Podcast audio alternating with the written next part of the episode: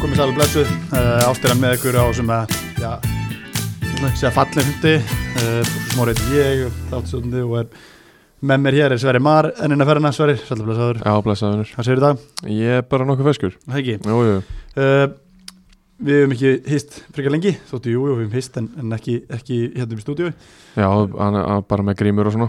emitt, þannig að við uh, ætlum að fara núna nú er komið ljóst að tímbilið er já það er búið, bæði annar og þriðvöld og við viljum uh, tveit þættir eftir, við ætlum að setja þáttinn í sitt hvort lag, við ætlum að taka þriðvöldina og svo ætlum að taka aðröldina Já. uh, taka sér þáttum sitt hvort deildina Yes.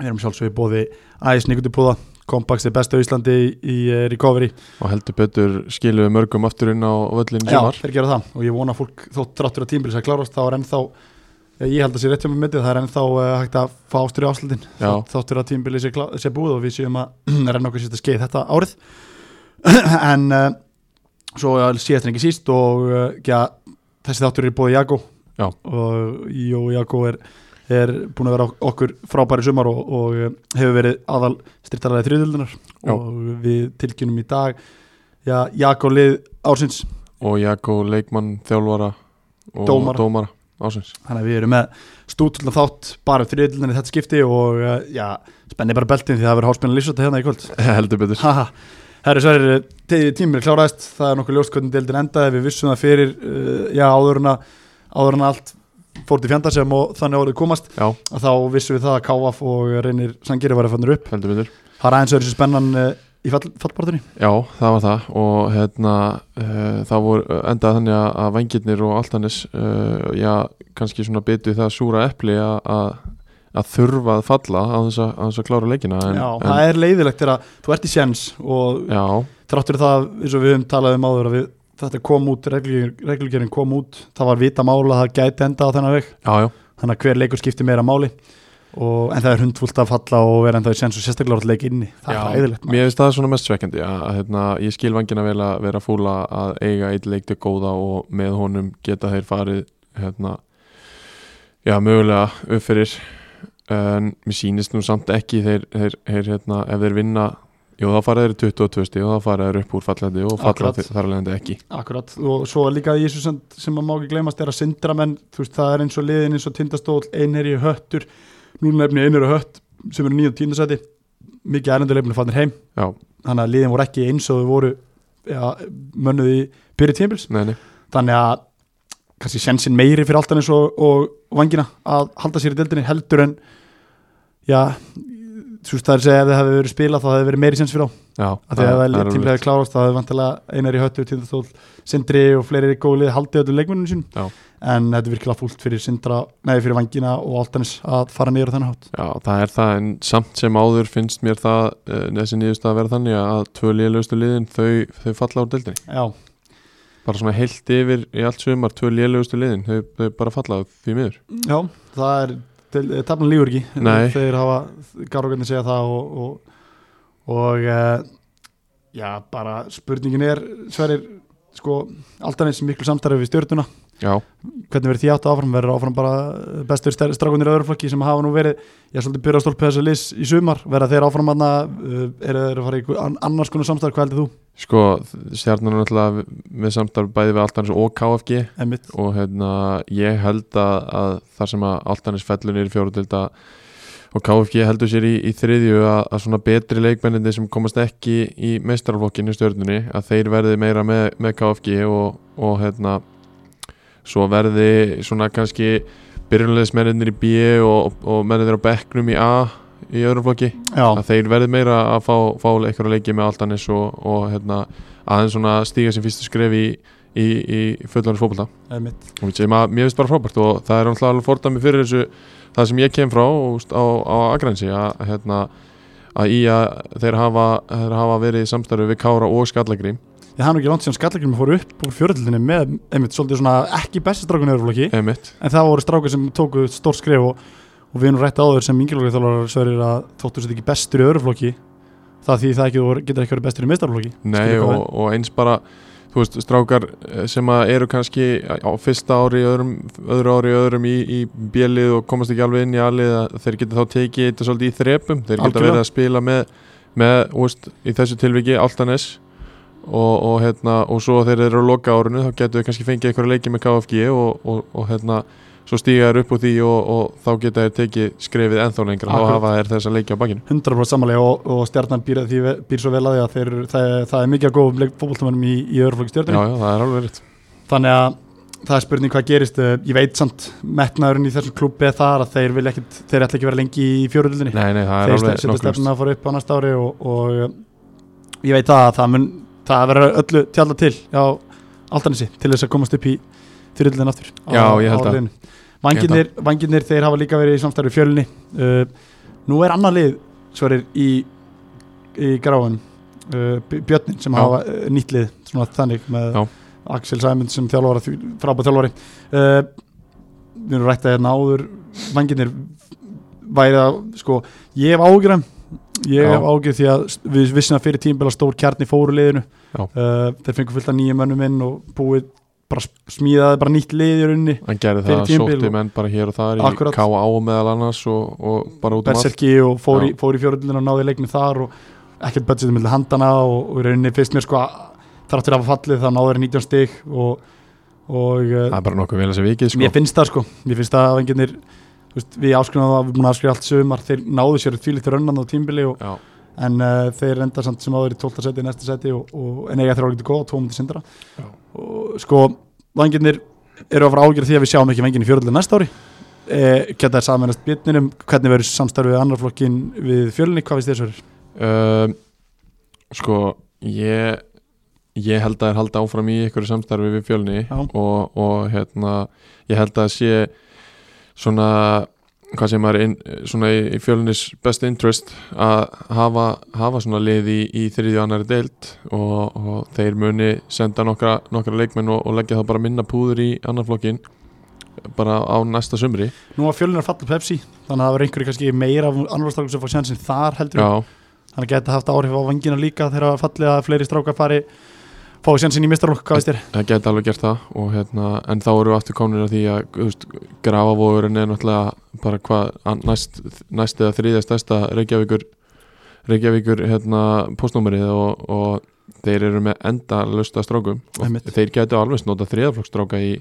í, í þetta verkefni og hérna ég held að þeir, þeir setja smá búður í þetta og þú tal, spur, spurur um saminningu á bytninum og vangjunum ég, minnst það er svona kannski ólíklegt ég held að, þú veist, að því að byt, byt, björnin er stopnaður svona meira út af því að út af því að þú veist, það voru ekkert allir sem komið stað hjá vangjónum Vinahópur þeir, svolítið svona. já, þegar þeir voru kannski í, í ágættir stöðu og svona oft í baratum að komast upp úr, úr þriðudel Já. það voru ekkert allir sem að komast að þar og, og, hérna, og þá, þar leðandi var stofna nýtt liði í fjóruðildinni Einmitt. ég held að það sé ekkit, ekkit þú veist, svona, andi ekkit allt og vel á milli Einmitt. Uh, við tökum í lokumræðu þátturinn með liðin sem koma upp og liðin sem fór niður ránaldinni Já. hvernig, hvernig við sjáum þau fyrir sér næsta ári við tökum það í lokin en alltaf eins og venginir þeir spýtja súri epli að falla höttur, hugin og einherri þau hljóta já, vera bara mjög ána með það að hafa verið flötað af já, ég er nokkuð viss um það um, fleiri lið kannski, tindast lægir sindri, þú veist, ég veit ekki með sindar reyndar þeir, þeir endi 15 seti og koma Já. mörgum á óvart Já, hérna Já, ég held að þessi rétt hjá þér, þe- þessi lið eru rosalega fegin uh, eins og segir Tindastóll búinir að senda flesta hérna, leikmenni sína heim alla, alla, Já. já, og fleiri Ég- sem fóru í skóla og fleira þannig að það já, voru ef að hefði verið spilað einhverja leiki þá hefði Tindastóll verið ansi vangbrotnir já, það var sagt og hérna, alveg sama með einherra líka held ég já, þannig að ég, mér skilst líka hött hugin það sem sendið þar heim leikmenn já, mitt, þannig að liðin utan á landi þau kannski svo annað líka í þessu sér er að ég veit að sko, fyrir austur að það, þú ætti sendur sótt það fara allir í sjálfskipa og sóttkví og Já. það farast millir Reykjavíkur og, og Austurlands það er svoleiðis svo skilst mér Já, að mínu heimilamenn á austan þeir vilja meina það að, að það, það sé þannig og flesti leikmenn einir að íslensku strákunir eru, í- eru stattir í Reykjavík Já. alveg eins með tindastól og alveg eins með höttugin það eru leikmenn stattir í Reykjavík í, í borginni þannig að, að fara út, út að land og spila þessi leiki er bara knúið það Já. var, það var ekkit sjálfgefið og já, til að mynda þá var þjálfar hjá Tindastól, hann var búinn að gefa bara þau skilabóð til okkar sem voru í Reykjavík og við varum ekki að fara að koma sögur og við varum ekki að fara að fara að Já. verðmúður það var bara þannig, það var ekki út af því að hann vildi ekki fá okkur það var uh, örgis Já. ráðstafnur Já. og hann tók, eh, ég meina ég þú veist, engi fíla þar og bæði í, minn, þú veist, í mingar þá Nei, nei, maður ég, ég verður að bera skildi, virðingu fyrir þessu bara. skildi bara Jamie mjög vel já, bæði við það að ef hann alltaf að spila leikina þá voru strákar í tindastól sem að já, það eru bræður í leiðinu sem að eru með ná, náskildan sem að e, myndi lendi miklu vesni ef hann fengi kót Já. með sjútum, undirrikið sjútum og fleira þannig að þú veist, það er bara, þetta er ekkert sjálfgefið og Nei. það er, fyrir mér, Sörir þá er, það er meiri fótboll í lífinu, já, já. það er bara lífið sjálft í rauninni. þannig að þú, svo ákvörðinni húnum, Jamie, Jamie, þú, já, þú meinar að lífi snýst um meira heldur en fókbalta algjörlega Já. Eh, það er alveg þegar, horrið þegar heimsfaldur í gangi sörir, að þá, þá þurfum við að vera með allan varan úti og, en, en að samskapi hundlega er þetta spyrkja þessi leiki já, það er það, ég við fáum aldrei rétt að mynda mótun held ég út af því að þessi leiki fyrir ekki spilaðir en eins og við töluðum á hann þá var þetta vita mál við vissum það að leikindi getur þeir myndu vega meira mögulega Já. ef að úti það væri farið að að COVID myndi taka aftur kipp sem að geði á mínum mati þá endar þetta eins og ég hefði spáð þessu sko tvö Já. bestu liðin fara upp og tvö lélegustu liðin fara niður akkurat eins og við sagði taflan lífur ekki Nei. Herru, sérri, við erum búin að vera að vinna dögum saman út og inn með teimin okkar Já. mörgum miklum fagmennum að velja lið ásins, leikmann ásins þjálfara, dómara þannig að við erum búin að vera að vinna heldur betur mikla vinnu á baku tjöldið núna síðustu daga Já. við fórum á Twitter og, og báðum sjá þar við, við, sko, við fórum í þurftum að bregða út að það ráða, ráða við þjálfara með alveg besta leikmann sem að var mjög erfitt og við fyrir betur í það eftir en uh, ég held að sé ekki eftir neina bíðasverður eða ekki bara dembugur í liði ásins Jú, hvernig verður það?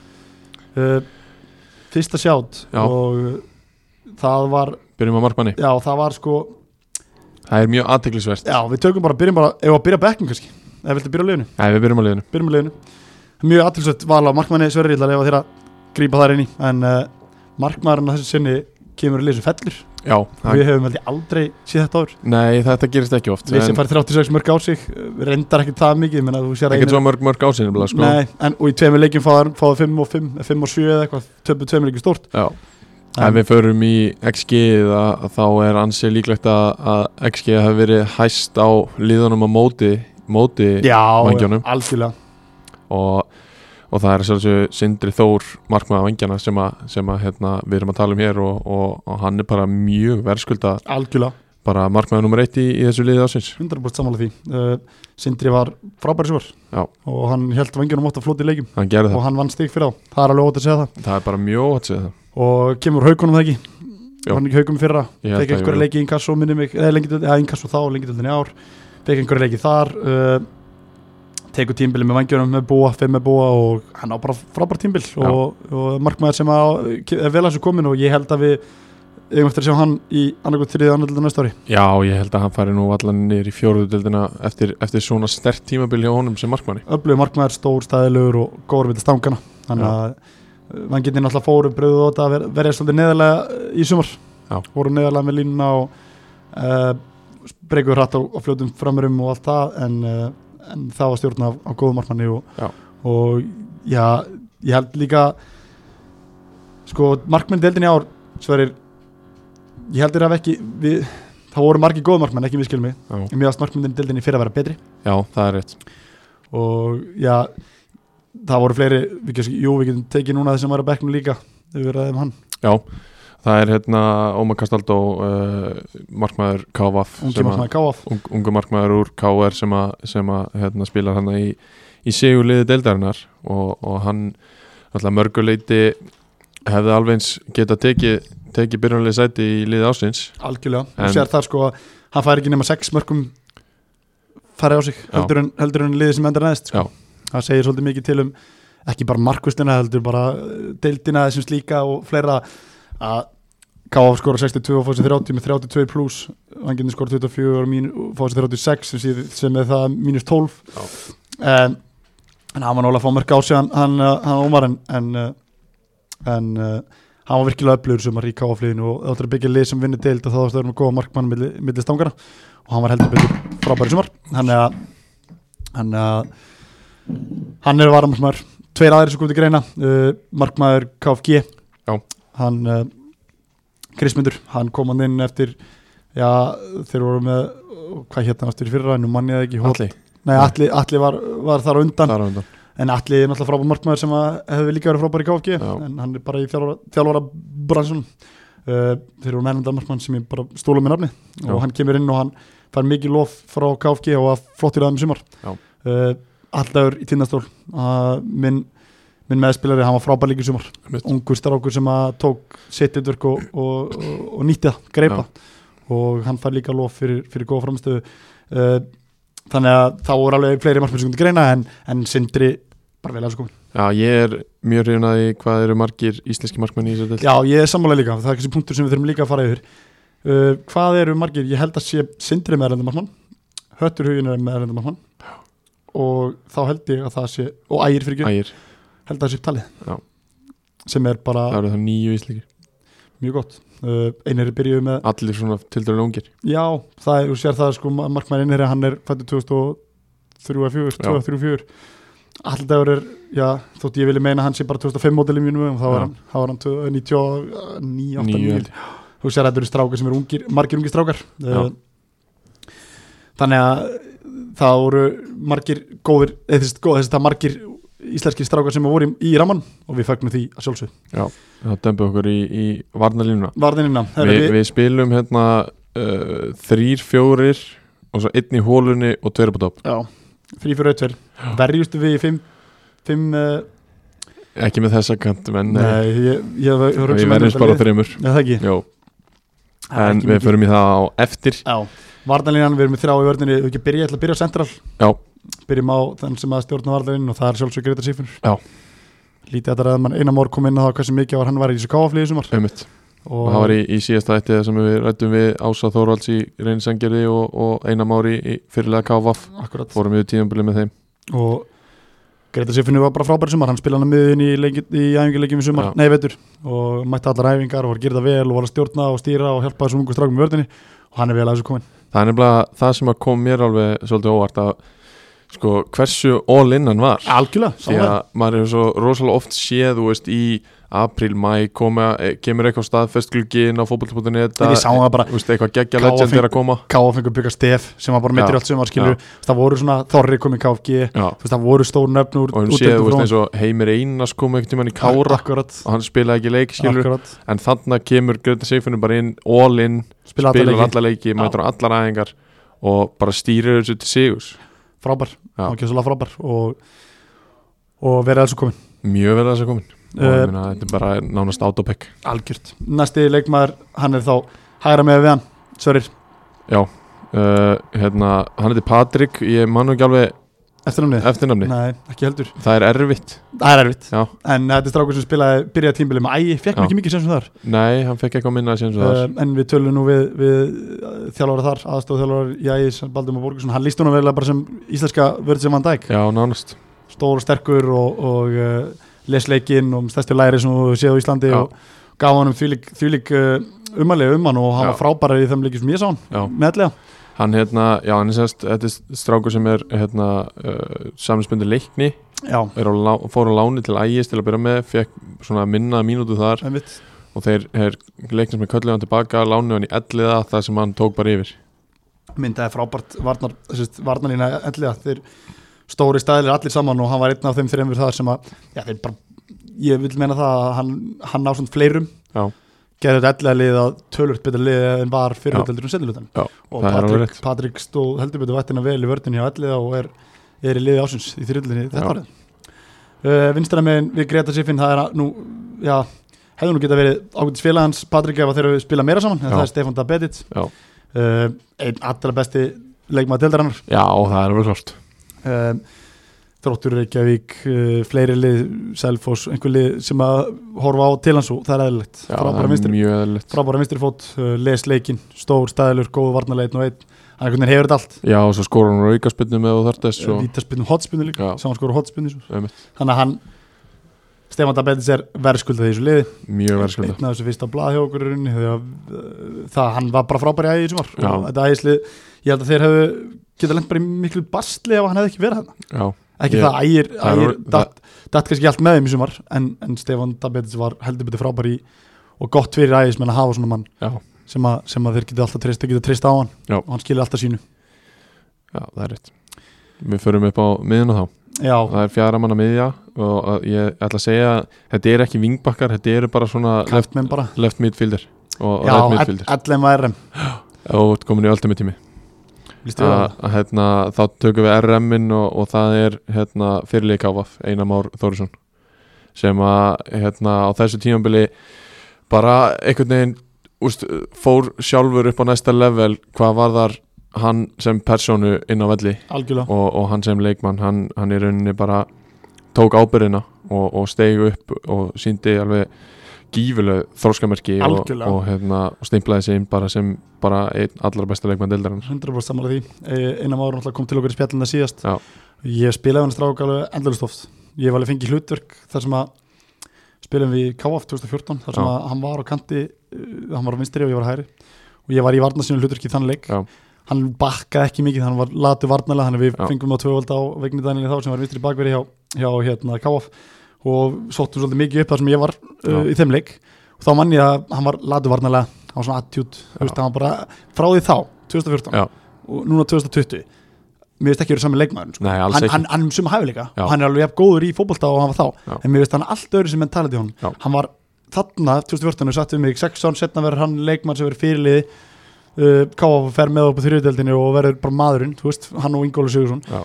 ég hef ekki trúið Nei. með hreinskilin, því hann tók bara eins og sagði því líkt þróskamerki, hann er bara hann leiðtói Já. því líku leiðtói Já.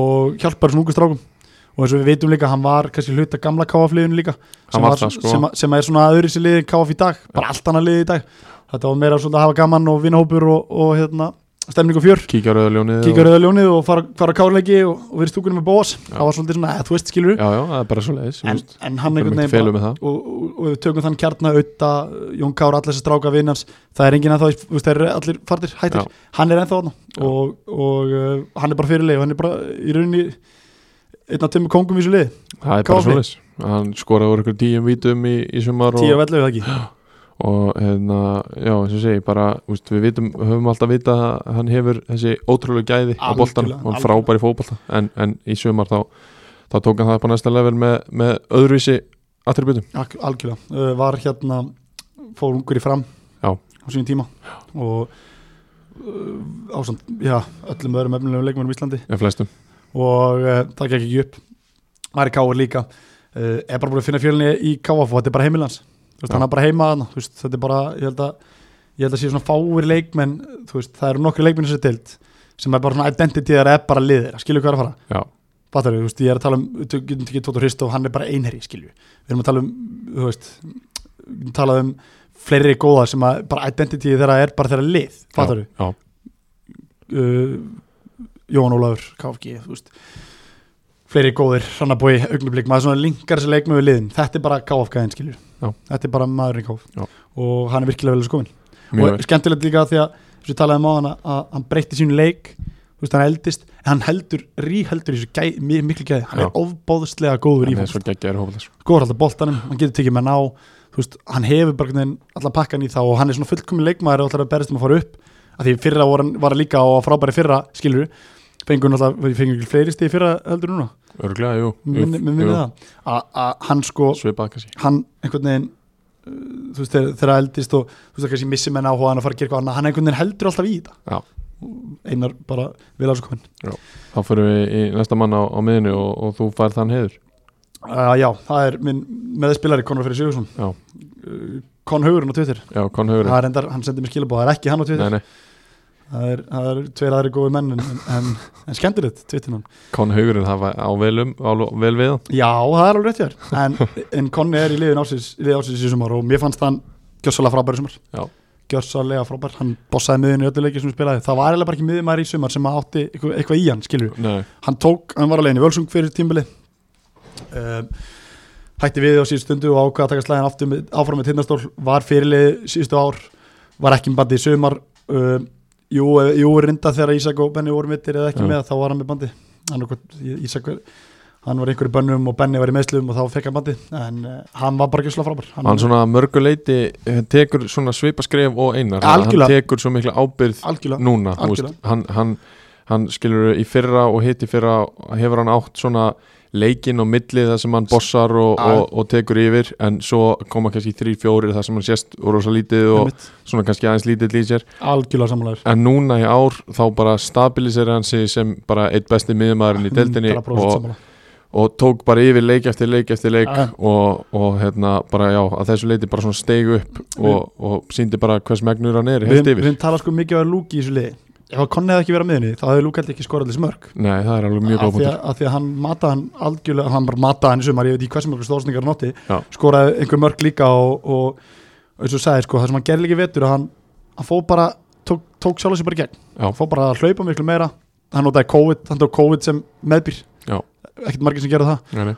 og fór að styrta þessi mikið og maður sá það bara, þetta var allt annað leikmaður heldur en ég sá það í fyrra með tindastól fallur Já. rannallinni gæðin tók bara miklu meira til sín og mér fannst hann bara mér fannst engin viðmaður í deildinni sem átti eitthvað róðið hann Nei. á boltan, þá er hann bara svo óbúslega góður Já. og hann Hann bara er svo góður að fá sterkur. hann góður í stuttarspilinu, góður að senda fram að lönguspilinu frábæra og kannski líka sem ég verið að rósa Demi þjálfari fyrir að tindastól, við höfum gert það í mörg ár hann hefur verið svolítið miðmaðurinn sem hefur verið að fara með flingjunum milli kanta og svona það var ekki alltaf flingjunum milli kanta, Já. skilju hvað hann var líka að finna svæðina, miðinu fann tilbaka og færa Mhm. þegar við náðum alveg, það voru leikir sem var til þess að stjórnu leikum Já. ekkit öllum en, en einhverjum og, og Konni var bara mótorinn og var leikil hildurki og hann var að mínum að já, mikið var lúk tindastóls í þessu liði Já, næsti leikmaður hliðun honum, hann nú, hann nú, það er nú eh, góð, góð vinnur okkar hérna og, og ég ætla að lega þér að kynna þann mann til leiks já, ég ætla að kynna hann til leik sem uh, umferðarstjóra þessa liðársins algjörlega, uh, hann, hann kemur djúpur og, og sækir hann og, og hérna hann og Konni saman það Já. er mjög, mjög sexy miða mjög sexy miða og, og hérna það ekki er mikil yfirferð, Nei, ekki mikil yfirferð nei, en það er En yfirferð á öllum vinum í Yfirferð- kring sko. og yfirferðin í hausnum að vera á undan öllum verðunum það er rétt og það er Ingól Sigursson hérna, umfyrstjóri KVF hann, hann hérna, stýriði stýriði þessum possession fótballta sem við Algjörlega. spiluðu algjörlega, og hérna, skoraði þó nokkuð að mörgum ég held að hann og, hafi skorað nýju mörk já, og hann tek, tók ekki víti já, tók Skilurðu? engi viti þannig að ef við tökum þessi víti sem við það hefði getið fá, e- farið í 19, í 19 mörg hann hefur getið að vera markastelema deildarinnar Já. sem miðjumar og hérna já, bara alveg frábæra og, og náttúrulega er, hefur bara þessi gæði sem hann, sem hann, úst, hann býraði þessum gæðum sem að koma hann út í atverðumösku þegar hann var ungur og, og er náttúrulega bara alltaf góður til þess að spila í, í þessari þriðu deild erum við ekki að tala um hann gæðalega séð, Ég er að segja, gæðalega séð, er þetta ekki besti fókvöldumæður í deildinni? jú ég er alveg 100% af því Er það ekki? Jú. Ég, tek ekki, ég fer ekki að rífast um það, það er Nei. alveg klart mál Ingólu Sigursson uh, umfyrastjóri þessa leis Já. og hann var gjössalega frábær í, í Sigurliði KF í Já. fyrirlinni sumar og gerir að sjálfsögðu kalli að vera bara leikmaður ásins Já, við fyrir mjög það eftir Hann er einn af fjórum sem að Já. við þurfum að ræða eftir Já. Ingólfur, hann uh, berðaði líka svolítið með sér sko, sem ég finnst svona þú veist, hann hann gerir alla kringus betri það er bara svo leis hann gerir alla í kringum spil, hann kemur Já. öllum inn í leikin og Björn Axel, Einamár allir þessi gæðir sem spila í kringum hann urðu betri af því hann var með Gauti Þorvar Gauti Þórar að spila Vili Kaldal, Já. þessi strákar sem voru að spila kringum hann, voru betri hann var, hann, hann var svo mikið bóttun og pannan í því sem Gáfa Já. fór að gera og ég veit að liði voru að reyna að stoppa hann Já. en hann fann alltaf svæði, fann alltaf leiðir Að- og, veist, að- hann, já, hann svona að mörguleiti kannski af ei- að allavega einhverju leiti getur við kannski líkt ánum aðeins við gilva sig þegar hann spila um Íslandi algjörlega, að að það er reynd að loka mikið á hann en hann finnur sér alltaf plássin og hann býr alltaf eitthvað til algjörlega skoraði þó nokkuð frábæð mörkin og hann held ég, ég vil eiginlega meina það, hann eigi mark ásins í þriðlunum sumar, já, í, frá miðju úr aukaspundu já, já, það var held ég mark ásins Ó. hjá Úlfi. Eða held ég, það er bara mark Horn ásins og, og höfn, ekki höfni hóðnveri það var gjörsalega styrlað mark Já. vindurinn hjálpaði hann um eitthvað aðeins en samt ekki mér Já, fannst, já, þetta, hann mér fannst hef- þetta einhvern veginn bara að vera hann leið hefði, og hann sparkar í boltan þá sér maður að good things are coming Já. það er skilur já, hann hefði örugglega alveg getað þetta á þess að það væri meðundur sko. það er mitt þannig að Ingóla Sigursson umfyrirstjórin í liði ásins hjá okkur 2020 vinstri kantmaður uh, hann er með ágætismann þar hlifin sér því það er Já. enginn annar en Tóthor Hristoff einherri sko. Já. hann setti já hann er í ég ætla ekki að segja slökuliði jú einast, eitt af slakari liðum deildarinnar já, uh, en gæðin inn á milli á þessum leikmennum mörgum hverjum góð en Tóthar Hristof var það mikið var þessu, þessu einarliði að þeir hefði alltaf fallið ef hann hefði ekki spilað já, og ég, hef, ég er á því að, að þú veist, þú setur hvert sem er inn í þetta lið í staðin fyrir Tótor og þá fellur þetta lið Já. kannski Lúk sem hefði getið gert Já, en Kannski. samt sko úst, Luke hefði ekki nefnt þessu harki nei, eh, sem- ég, ég er á því, úst, það Já. hefði þessu fáir nefnt þessu harki Já. og, og hann skoraði hann 15 mörg fyrir þetta lið sem að úst, var náttúrulega bara í miklu brasi allan tíman algjörlega mikið af meðslum sem hann voru hjá hann Já. Tóthar hugsar já, sko, uh, í rættunum og mann sem að vinur náða með honum, hann hugsaði betur um sem allir aðrir. Já. hann hugsaði líka um náðu sér vel, hann verið yngjörflokkar starfið þar, komið til IBVF, hann er kvöldur Vestmanja Já. búin að gefa óta hans hættur í fótbolta uh, því miður því miður, ég átti nú spjallið hans við hann og að, hann er með hálit markmið sem þjálfari sem Já. er bara gegjað og uh, hann uh, var gjössalega frábær frábær fyrir einra, mikið ástu leikmaður þeirra í sumar, klálega og þetta var hans besta tímbil í mörg ár get ég full, eh, lofa mér fullir að það já, það er alveg hárétt uh, Hólan, það er, það er skemmtilega leikmaður já, sem að koma óvænt inn í þetta hann kom óvænt inn í þetta uh, greip, ykkur, greip fyrirsagnir og verðskuldaði í hólun hjá okkur uh, Magnús, Magnús hérna, Sverrir Þorstensson kemplingingurinn Keflingurinn, Magnús Þórir hann var frábæri liðir inn í Sangeris og einir leikmaður inn í Sangeris sem er í liðinu við erum með leikmann á bekknum reyndar sem að eru þar en, en hann var kjössalega frábær við töluðum mikið um reynislið Sörir sem svona sp- smá spútinglið ásins við töluðum mikið um liðseldina og, og hvað þeir voru með marga jafna góða leikmann en Maggi samt stóð svolítið uppur þar já, hann gerir það og hann er alltaf að skora hvað 14 mörg og, og kemur inn 15 leikum, í, í 15 leikjum skorar tvær trennur held ég, var það ekki? jú, ég held að uh, Maggi var gjössalega frábær hann uh, eins og segir kemur úr retirement rétt fyrir tímbil Já. og bara síðasta púslið við frábæran árgur eins og hann gerir sér sumar já, og hérna alltaf sömu leiðis ja, mörgu leiði kannski á papirónum eigandi leiðsins og, Já, já, og, og alveg rétt. rönna, rönnar þessu baku tjöldin Algjörlega. sömu leiðis á, á mörgu leiði og, og hérna og kemur svo hérna og já, bara bjargar þeim þegar að, þegar að meðsli herja á þá og í, hérna, rétt fyrir mót og, og kemur inn með svona krafti og, og spilar, hann spilaði bara þessa deildi eins og Lampard eh, hvað 2010 er að Chelsea unnu frábær í því að láta týna sér hann er frábær í því. og kemur svo í setni bylginu og, og leggur hann inn með fúra fyrir fram að sig þegar hann var heill að þá voru þeir tveir alveg óstöðandi í raunni, þeir, Já. þeir myndu þetta frábæra teimi, hann var líka úti í vinstri við, við úti í hægri, hann gætt spila alls þar hann fram á því og, og hann var gjössalega frábær og þeir voru þarna nokkrir eldri leikmenn í, í reynsangirisleginu já, og í góðu standi og, og Maggi hann bara gjössalega frábær og á, á þetta lof því leitt skil og við komum aðeins betur en hann á eftir Já. Tveggja sendir að kerfi uh, ég skal byrja að nefna uh, minn samir þar sem að, já ég held að kominu einhver óvart að Luke, nei það gerir það ekki Luke Ray sé í liðinu, uh, gjössalega frábær Já. 20 strákur í tindastól sem að ég held hann ekki að þetta sé sitt síðasta á Íslandi nei, hann er ég- búin að segja þetta síðasta sögurki er ég nokkuð vissum Já. uh, gjössalega frábær fyndin karakter að lúk þegar hann kom inn að þá sá ég bara fyrsta æfingunni þetta er gæði sem að geta orðið pepsutalegum bara í Já. framtíðinni ég sá það strax hvernig hann tók menn á æfingum og gjössalega pakkaði þeim ég leið illa ofta tíðum maður var að næfa eitthvað maður mætti norður ég tók einhverju viku við norður eða viku tók nokkra daga Já. og ég hugsaði með bara þetta er strákur sem geti sprungið út og verið bestileg með þyrildinu sem var Já. menn hann skorar og Markahæstur. markaðistur og 16 mörg 16 mörg og hann, hann bara ekki slá frábær hann var gjörsamlega frábær og hann uh, vann leikið eins býtur í sumar.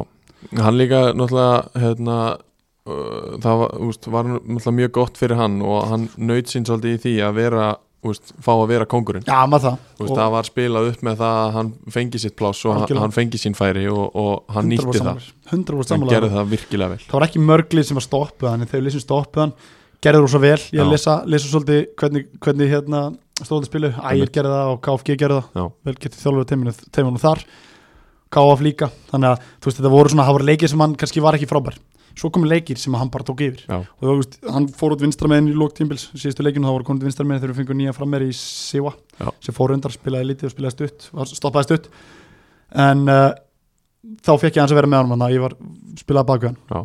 Og oft þegar hann bolti komið yfir til mín og hann kemur bara niður og næri hann ég fór bara frá, já, ég vissi alveg hvað var að fara að gerast ég, annarkoð þegar að kofa hann miðunni eða koma inn til varnalunni eða hvernig sem það er, ég veit að gæðin er að fara fram með einu, tveimur, jafnvel þremur og gera komið boltan einmitt. hann gerði það um dögnublika sem hann bara fleiri lögum, reynir sangeri þannig sem hann tók bara yfir og bara eins og mútið reynir sangeri úti þá þá var bara ykkur rosalasta framist það sem ég sé mjög lengi hann tók bara varnalínu uh, reynismanna í setjæli setnáleiku bara jarðaði það sko Já. þannig að hann var, hann var frábær sumar hann var eins og sé, en hann er tvítur kemur ekki óvart þegar að þú ert þegar þú fær þetta hlutverki í svona, svona stóri bæðfélags það er mikið lagt á fótboltan í sumrin Já. þetta er, vik- mik- þetta er körbólta bara á, á veitna fótbolta bara á sumrin en það er- það er pressa hann það er pressa hana og ég held að hann hafi ekki fatta pressuna fyrir hann hann fór bara held ég með rútinu söður sko, Já. þú veist, hann hafi ekki fatta já, ég var hérna sem aðalsenderinn í Já. liði sem er með góða sögu og er búin að vera í, í, í fyrstu held og annar held og, og uh, svona mikið lagt í, í liðið því hann ég held að hann ekki fatta Nei, ég held að það verður svolítið þannig því að, því að hann bara einhvern veginn ég menn, hann, hann fekk fullt af færi sem hann gæti skora á sko. skoraði fullt af mörgum bæði færi sem hann átti ekki að skora úr og svo færi sem hann skoraði en oft og tíum gerði hann þetta bara sjálfur líka Já. og en hérna hvernig er, hvernig er breski bandarinn hjá hann?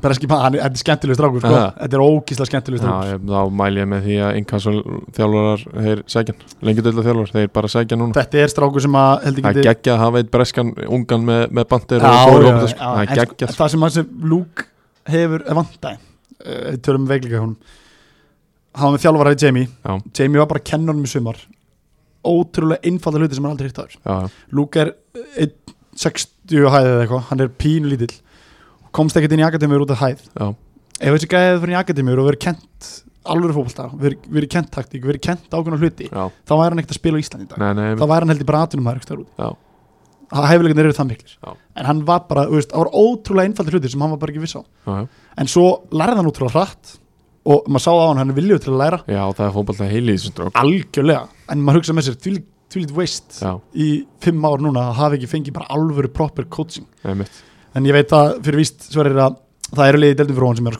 skoðan ælilega, vakti mikla aðtikli og, og er verið að þessu komin að vera liðið ásokkur mjög, mjög vel sko. síðast en ekki síst það er hérna ennit KVF maðurinn í liðinu og, og hann já, svona, þú veist eins og hinnir, uh, bara freka mikið autopick uh, þessi tveir sama frammi, já, þetta er svakaleg framlýna sko þú og myndir ekkert vilja fá það á ferðinni Nei, ég, ég sko ég bara, ef þetta lið myndi spila saman og, og þessi, þessi tveir eru upp á topp hana Mengo og Konna Matta, einu Já. og tóður göndunum ég myndi, vera, ég myndi geggja byggja að upp varna skiptingu já, jú, ég, ég myndi kikna í hnjánum og svo myndi ég byggja upp skiptingu ég, ég, ég myndi hringja minn veikan já, ég myndi ekki nenni þessu og það er, það er Björn Axel hérna, Guðnarsson. já, framherri KVF hann skorar einhver tíu mörg og, og fiskar tíu víti, leggur upp einhver fjögur-fimm mörg í viðbót og hann hann kemur inn aftur núna eftir að hafa verið bara mjög mikið í, í, í háskólaboltanum í bandaríkjánum, rétt kemur með þann, eh, svona, það er svona svolítið, þann fótbolta já, það er svolítið svona það Tilbaka. liggur yfir honum, maður sér það bara á honum hann er svo ofbúslega direkt, Já. þegar hann fær boltan þá, þá veit hann hvað hann ætlar að gera Já. hann er svolítið mikið, mér finnst ég sjá mikið af háskólabolta í bandaríkun í þessu Já, hann hann er, hann, það er alveg rétt hjá, þér, hann tekur hlaupin á bakvið, hann er að koma, hann er að láta týna sér, stinga sér og þegar hann er óbúslega fljótur, já, mjög fljótur Direct. og áræðin og þegar hann er, óhrættur þegar hann er að fá boltan og, og getur farið inn í tegin, þá gerir hann það klókt. Hann er ekki bara að hlaupa með boltan fyrir fram að sig í áttina að manninum, hann er að setja líkamann á milli, hann er, að, að, hann er ekki að dífa sér til þess að fá þessi víti, þú veist, Einmitt. maður getur litið á það þannig, Já, þegar þú sér tölfræði, það var tíu viti tíu víti og, þá, fyr, þá, fyr, þá finnst þér örugglega eins og sé eitthvað eitthvað eitthvað ekki gangi að Já, eitthvað dubious. en, en Allir málið sem er- vítir eru sko. vítir Já, máli er að hann, hann sækir þetta bara hann er ekki að dífa sig, hann Nei. sækir þetta hann, hann setur líkamann á milli, lætur varnamanni brjóta á sér Akkurat, og, 100% og, sammála því. og náttúrulega bara þú veist, tekur svona skref á sínu ferli að, að þarna fer hann í lið og fær að vera kongurinn upp á topp og, Einmitt. og, hérna, og nýtir það bara frábælega og, og hann, hann er að fara að vera frábæri í annardildinu heim með þeim á næsta ári alveg líka 100% sammála því og uh, þegar skiptum kerfi fór í 4-3-3 þá fór hann til kant og gerði það bara jafn vel Já. og bara hann uh, bjóð undir það býr undir þeim eiginlega líka eins og sagði hann, hann er svo óhrættur Já. sem mótið tindastóla þá fekk hann raukt spjald og viti á markmann tindastóla þar sem að 50-50 bolti og hann vildi það bara meira Já, við og hefðum bara í hann hann. bara veður já þetta, er st- þetta hefði ekki enda stór hættulegt fyrir hann hérna. Við, við settum þessi klippu inn á Twitteri Akkurat og þetta sér maður svolítið hvað þessi strákur, hvað er í hún Já. þú veist hvað það er sem að Já, vill þetta bara hann, vill Hann þetta. vinnur. hann er í algjör og uh, hann er vel að þessu komin að vera í lið ásins og, og á mínum að var hann hann var einn af þessu fyrstur sem að svona kannski er ekki augljóspunktur verið í liðinu, Já. skilur við við erum með svo mikið af góðum sendurum, við erum svo óbáslega mikið af Já. góðum sóknarmennum í þessari deild en fyrir mér var hann alltaf, átti alltaf verið í liðinu Já. og uh, við vorum allir sammálaða í teiminum að hann gerir tilgætt til þess og Já. sko fyrir mér hann er ekki einn af þessu fjórun sem við þurfum að tala um eftir sem er leikmann ásins, Hann geti vel verið hann það. getur vel verið Já. hann alveg bara 100% því að hann var ekki frábæð fyrir KFC var. Já, og Nú þá er- kannski förum við aðeins í yfir byrjunliði hérna Já, förum áður við við, yfir. áður en við reynum í bekkin það er Sindri Þór í vanginum í markinu uh, Patrik Elliða Gretar Sifinur og, og Stefán Dabetic í ægi í varnalunni Grétar í KF Gretar í KVF já Já. uh, á hérna miðunni eru Einar Már í KVF Konni Tindastól Ingo Sigi Gáfaf og Tóta Hristof í einira í hólunni fyrir fram að þá Maggi Þorsteins í, í reynisangeri og upp á topp Lúki Tindstól og, og, og Björn Axel í Gáfaf frábært byrjanlið, Uh, ég held samt að spurningamarki við erum- menn setja spurningamarki við það að það sé breytleikmarin sangerisliðinu Já, en við kannski útskýra það eftir það eru tveir á bekknum og uh, það eru leikmenn uh, við erum að velja svolítið in- individuals Já. og við erum að velja svolítið individuals play og, og reynsangerisliði var bara þannig liða þeir voru mikið leysild og mikið stemning og fjör Já. og það eru fullt af leikmenn þar sem hefur getur verið liðinu fli- líka á bekknum já, já, þannig að ég svara þeirri spurningu við þá reynismenn sem unna á sambandinu með Já, þetta þátt einmitt. þannig að það er bara komið en uh, Á bekknum. frábært lið og við skulum fara nú í bekkin já, það er hérna eins og við komum inn á það Nóma Kastaldó og Markmaður Gáfaf ef við ekki taka bara alla leikmennina einn og einn jú, ég skal taka næsta mann því að ég vildi sjá hann mann í liðinu já, en út frá leikjörnum sem við spilum þá Já. hendur hann ekki í liðinu það er rétt Hrannabói í augnablik Já. hann átti frábært tímil Já, hann átti mjög gott tímabil, fyrirlið þar tók skora nokkuð mörg Já, sem bakur uh, frábæri því systemi sem þeir eru að spila en Já. free flowing fútbol í, í augnablik sem að þeir einkennast mikið af og hann, það sem ég varst svolítið skemmtilegt að sjá hann að gæða gera hann var svolítið mikið inverted fullback, skilur hvað við Já. hann var mikið að koma inn á miðjuna, leysin á miðjuna og hann vissi hvað hann var að gera, þetta var Jökull gerir alltaf frábæra hluti hvað var að taktíslega að segja með, Einmitt, með, með hann augnablik gerði það og mér fannst hann ofbáslega góður í sumar Já. og mér finnst hann alveg að skilja að vera í þessu liði en við erum að spila 3, 4, 1, 2 og við erum ekki, við, hann gæti verið fyrir Tóta Hristof Já. hann er kannski komið inn á af hverju hann er ekki þar Já.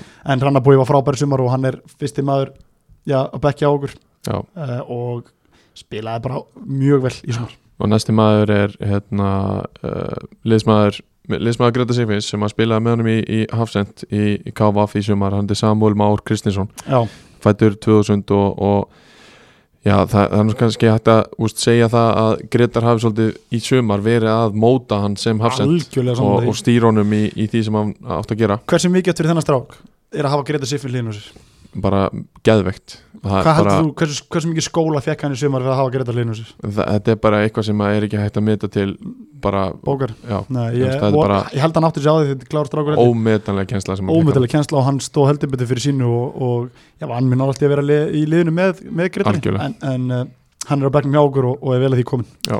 næsti maður er, við verum alltaf að Svona höfn ok- okkar maður þetta er okkar maður, Já. það er hérna, Kristinn Justiniano Snjólfsson Mm. Stinni uh, var kjössalega frábær í, í uh, í sindralinu sumar, Já. hann og Kristó Róling myndu þetta að upplöða teimi framöðu hjá Já. hann sem skilaði 15 seti frábæra áraugur hjá þeim Stinni var ekkert langt frá því að vera í liðinu hjá okkur líka Nei. Eh, við töluðum um það og settum hann inn í drög í liðið og hann, eh, eins og við kannski töluðum um með Einar og Konna eh, hann tekur fyrirlefbandi þegar, þegar fyrirleira meðist Já. Helgi, Já. Þorlug Helgi heldin heiti Já, og svo tekur hérna líka úf, erfitt að bera nafni hans fram en hérna við erum búin að tala um hann áður hann sem að meðist í sumar hjá Sindra já, hann hérna Vá, það er svo, það er svo erfitt að bera nafnast fram hann var fyrir liðan líka hann hérna sko, þ- nú veit ég að sindar menn vera brjálur út um ef ég bera þetta ránt fram en uh, hann er búin að vera hérna í nokkur ár og hann uh, býtur nú við, hann heitir uh, býtur hvað nú er hann að muna hann sérst, þegar það var allavega það var allavega hann þannig- heitir Róbertas Freyr Já, Geimas Já, já, alveg rétt Hann var sérst, var að fyrirlega og tók Já. fyrirlega bandið Svo komst inn inn, tók Já. bandið þegar hann var að spila og hann stegi upp steg virkilega upp Já. og hann, eh, já, sko við tölum Ingo segir sem besta fólk, ég held að þessi gæði sé svona næst, næstur Ingo Já. í það að vera geggar fólk, Já, eskilju, hann er já. svo ógeðslega góður í fólk já, og líka bara með rólinn hann upp á topp hann myndaði þetta bara Bergkamp Henry hérna, Algjörlega. teimi með honum og ef að rólinn hefði haldist heitla hefði þeir verið í alvöru baráttu um þetta held ég sko Ég held að Rólin hefði við alltaf verið liðin en hefur heil á 100% ef hann hefði klárað, hann spilaði nokki alla leikina fyrir sindra Nei. byrjaði hann alltaf frábæla en uh, ef hann hefði verið í liðinu sérst, ef hann hefði verið heil allan tíman þá hefði hann alltaf verið í liðinu okkur sem já, það er klart Rólin uh, fær því miður ekki þann hefur að vera á begnum þar sem við erum með aðra annan sendir Já. sem er nú ekkit ólíkur honum fyrir Nei, miður alls eftir ekki.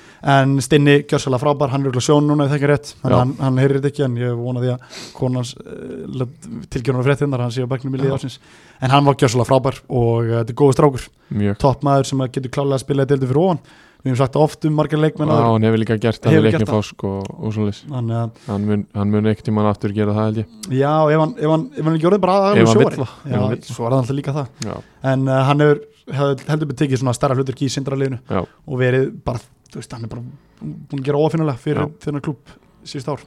og næsti maður hann hérna, kemur úr einu sangeri Það er einn af tveimur að bekknum er einn sangri og hann hérna, kallast Strali en hann heitir Strahinja Pajic og, Ég er svo og ánar að þú berir þetta fram með ekki ég já, að þú er líka skelvilegur í því. Alveg ræðilegur Ræðilegur Hérna, og hann er hérna, spilað á miðunni með, með Ása Þorvalds og, og var bara frábær hjá þeim sem að skoraði tvö mörg og, og, og svona já, svona batt þetta dóldi saman hjá þeim uh, þeir, þeir spiluðu náttúrulega mjög direkt fótbalta og, og, og voru am- am- oft á tíðum mjög opnir tilbaka Já, já, og, hérna, og hann og, hann og Ási myndu frábært teimi og óbóðslega klókuleg maður mjög klókuleik maður Góður á boltan og hann les leikin vel Hvað, ég mann nú ekki hvernig gamall en en hann, hann er les, fættur 91 já, hann er 91 múlis Hann er 29 ára, Já. besta aldri Ég á nú vona því að hann tekið slæðin með um næsta ári já, ég held að upp í, upp í, í aðraldina en þetta er þrák, hann, hann les leikin óbáslega vel Já.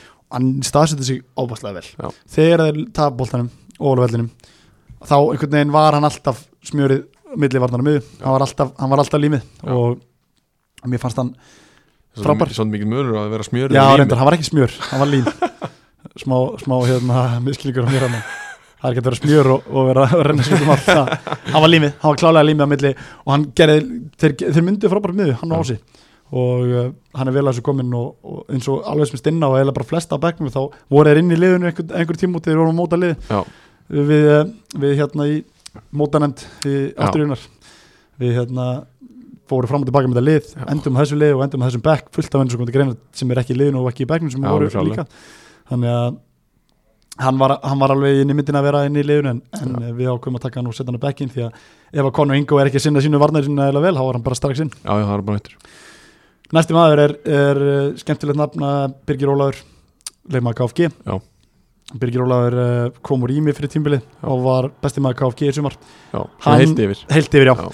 hann eh, sko, þessi strákur hann spilaði í hólunni, hann spilaði á kantinum hann spilaði í bakur, hann spilaði í hafsind, hann spilaði alls þar Já. hann spilaði alltaf Já. vel óbáslega góður í fótbolta, fljótur uh, góður liðsmaður, topp maður Birgir Ólafur Já. og hann er svo vel að þessu komin hálfur hellingur, hann var bara þeirra sterkasti maður í sumar, Já. flestir auðvitað sér haldið ef við myndum velja Jón Ólaf, Já, Kári Pétursson hefði alveg getið verið þótt hann spilaði bara helminga tímul, hann var frábær þegar hann var í Já. þessi strákur heilt yfir var besti leikmaður KFG í sumar og uh, okkar mati á okkar mati, hárrétt það er ekki, menn, það Það er er ekki ekki að endur spögla mat þjóðarinnar hárrétt sverir þannig að Birgir Ólafur ke- er á bekknum og eh, já, ef okkur vantar mann til að koma inn hvar sem er þá getur hendur honum inn skilur, Já. þú veist, hann bara einhvern veginn leisti alltaf allt vel, Gott Þótt að ég- hafa svona mann á bekknum þótt ég vilja meina hann sem miðumar þá spilaði hann sem hafsend, Já. spilaði út í kanti hann spilaði, ég held að hann er bakur líka gerði óbúslega vel Já. og óbúslega mikið var KFG-liðinu sumar sem endaði þriðarsæti Já, sem er frábæra árgur í þeim já það er það uh, Við veldum 90 leikmann á bekkin Já. Gleim, kannski komin að núna, þú tekur núna síðasti mann sem er á bekkin, við skal taka 19. mann Já, 19. maðurinn er, er hérna það er svona ástæða fyrir að hann er 19. maður algjörlega, og hérna og sem sagt, sá sem er, er, er í hópnum og, og er á bekknum hann heitir hérna Fúfúra, kóttum með Elton Elton Barros allavega, Renato Barros eða ekki, já og hann, já, kallaði frá Fúfúra grænhöfðum Já. Það er, það er já sko, þegar leikir sem ég sá mér einni hann alltaf meiðist mikið og er nær ekki Já. öllu leikjunum með þeim að það er ástæðan fyrir að vera með 19. mann og algjörlega, það er, það er að því að Fúfúra hefur verið svolítið inn og út og, og hérna, að þegar hann er með að þá er hann svo kröttur og öflugur og, og hérna, ef hann hefði spilað alla leiki þá hefði hann sennilega skorað ykkur 15 til 18 mörg og, og þá hefði hann alltaf verið í þessum byrjunlegi algjörlega fúfúra líka bara þetta er alvöru smíði Já. þetta er bara skrokkur Já. og hann kann svo ofbáslega vel að nota hann Já. með Magga og Andi og þessum strákum hann í kringum sig Já. Guðmundur Gunnar, þú veist, allir þessi strákar sem voru í kringum hann hann gerði þá svo góða með þessum eiginleikum að geta haldið boltan svona vel Já. þeir lágu, þú veist, þeir, þeir vörðustu vel þú veist, sem lið, þegar fekk boltan upp í skrokk þú náður ekkert boltan á hann Nei, og hann gerði svo ofbóðslega vel fyrir eins og hann gerir sumar, hann var svo mikið á þeim ekki það að Hörður Sveinsson var náttúrulega kominn fyrir hann, þannig Já. að hann líkus ekki líkan heim hann getur gert það nákvæmlega sama skilur einmitt, einmitt. en Fúfúra var ofbóðslega góður hjá hann Já, sumar og alltaf bara frábæla gert hjá reyni Sanger að sæ- sækja þennan mann því að þú veist, hann hefur spilað í, í fyrstu deild, hann hefur spilað í annari hann hefur deild verið í haukum og selfossi og Já. vest, nei, Nei, ekki veist selfoss og- hann var alltaf selfoss og haukum, hann Já. er eitt lið viðbót sem ég er að gleyma ekki, keflæk og hann, þú veist, já, eins og ég segi, hefur spilað í þessum deildum fyrir ofan og, og þeir gera alltaf bara frábælega sækjan þangað og, og hann svona, þú veist, kannski með Magga Þorstins púsli sem að, sem að vantaði upp á og hérna, til þess að gera þetta að alvöru liði algjörlega, og hérna, og, og þeir svo sannlega gera það. eh, 19. maður uh, hann, uh, já, hann þarf að skrifa eitt leifu frá, frá frá móðu sinni, Já, og, Sigga Baxter. og, og kennaranum og, og, og skólastjórunum líka til þess að fá mætileiki algjörlega það er að sjálfsögðu þólugu Bergi Bakster Já. leikmar hattar hugin og ástæðan fyrir hann er 19. hann er svona, þú veist, hann er svona fá smjörþiðin af þessu, hann Já, er já. fættur 2005 og er svona fær að koma með og 19. maður dettur inn og bekk ef ykkur meðist og, ef þetta og lið var eftir fjör ár, samanlið Já. það var þessi leikmar sannlega fyrir lið okkur og var Já, inn á miðinni það væri og þessi, sagði þetta eða fram með að hvernig sem það er eftir fjögur ár þá erum við ekki að tala um hann í þessu liði, Nei, nei, það er alveg rétt fyrir ég held að Það er alveg potið. Þjóðlokur Breki Bakstöður, hann var frábær og ég ætla að spyrja þess verir.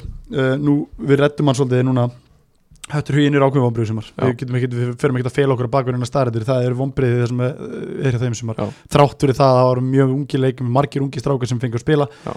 Vonbrið kannski liggja líki því að ennenduleikumni voru ekki nægilega góðir, liðið einhvern veginn ekki nægilega vel syngað. Já. Uh, þessi strákur kemur inn, hann eiginlega bara svolítið svona ber liðið á bakinu, 15 ára gamall hvort er það uh, óbáslega velgjert í honum eða er það sparki raskati fyrir hinn að karakterinn í liðun að vera ekki að úst, geta ekki tekið þessa ábyrð og tekið þetta skilur, úst, þetta lið á næsta le- eða skilur hvað er að fara, já, hvort er það er það sitt á hvað eða hvað, hvað finnst þér? ég held að sé sitt, sitt lítið að hvoru Af því og, sko, mér finnst óðurlegt að 15 ára strákur sé settur bara í þá stöðu sem vantar því hann er það góður já, getur leist þegar við viljum að hægri kantina úst, Já. eins og við tölum nú eitt þjálfara sem að sem að sem að líst honum þannig að hann var bara það góður hann leisti bara það sem að já, átti að explóta í hinleginu Já.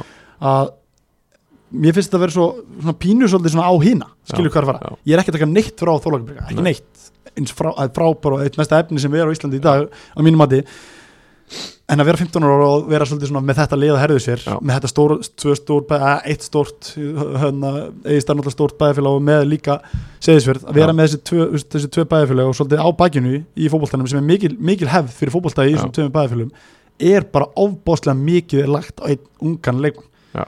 að mínum að því, yngra árið þrjáflöki sko. já, það er það Þú og, veist. Ég, veist, ég sem segi, ég, þetta er sitt lítið að hvoru Að- að þetta er alltaf frekar mikið last á, á þá sem eru fyrir í liðinu Sko, Steinar var sem náttúrulega- Steinar var að stíga spila ekki upp. Steinar var fyrr, já, hann fer og meiðist, meiðist hann var og- frábær þegar hann var og ég held að ef Steinar hann hefði ekki verið í þessu liði til að byrja það með, hefði þá hefði Breki ekki fengið svona mikið Nei, en, en ég held Blásendur. bara, ég held í álunni ég hefði viljað sjá bara breyka og Steinar spila miklu meira saman já, það hefði verið frábært Þú veist, uh, en, en Steinar hann fer, hann kemur henni inn þegar hann fer fá hann nýja erlenduleikmenn inn líka og allt það en uh, Steinar hann alltaf var frábær hjá þeim í sumar Já. og uh, breyki kemur inn og tekur, tekur keflið Af- Af, hann gerir það náttúrulega bara frábæla þarna er pláss í liðinu Hann og nýtir, það hann vantar, grípur vantar tækifærið. einhver til þess að koma inn og, Grípur og, tækifærið. og, og hann gerir það bara og, og þetta er 100%. stráku sem að ég, ég er alveg nokkuð sem það þú veist, hann er með tengingar um Selfoss, frendi Gunni Borg frenda sem Selfossi og, og það er pottitt fleiri lið að horfa rínu augum í hann en Já. hann, alltaf bara, ennþá- hann er fyrir tíndabækka ekki Jú, hann er í tíndabæk núna þannig að þú sér það sko að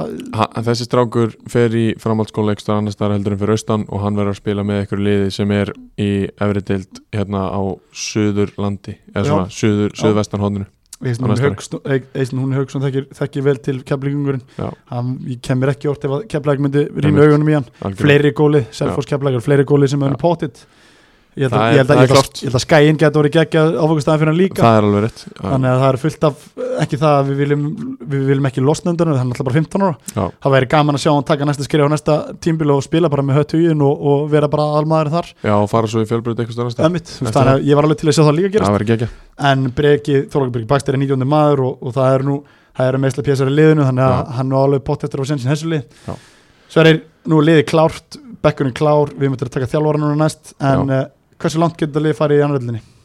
uh, uppúrinni Uppúrinni, Já, ég held að þeir myndu allavega að vera alveg 100% í barátunni þetta er ekkit, ekkit verra lið heldur en, heldur en hérna, Selfos og, og Kortringinum með til dæmis Já. ég held að alveg potið já, skemmtilegt því að ég er tek undir með það að þetta lið getur farið anslánt í annaðröldinni Já. og mjög skemmtileg blandað lið Já.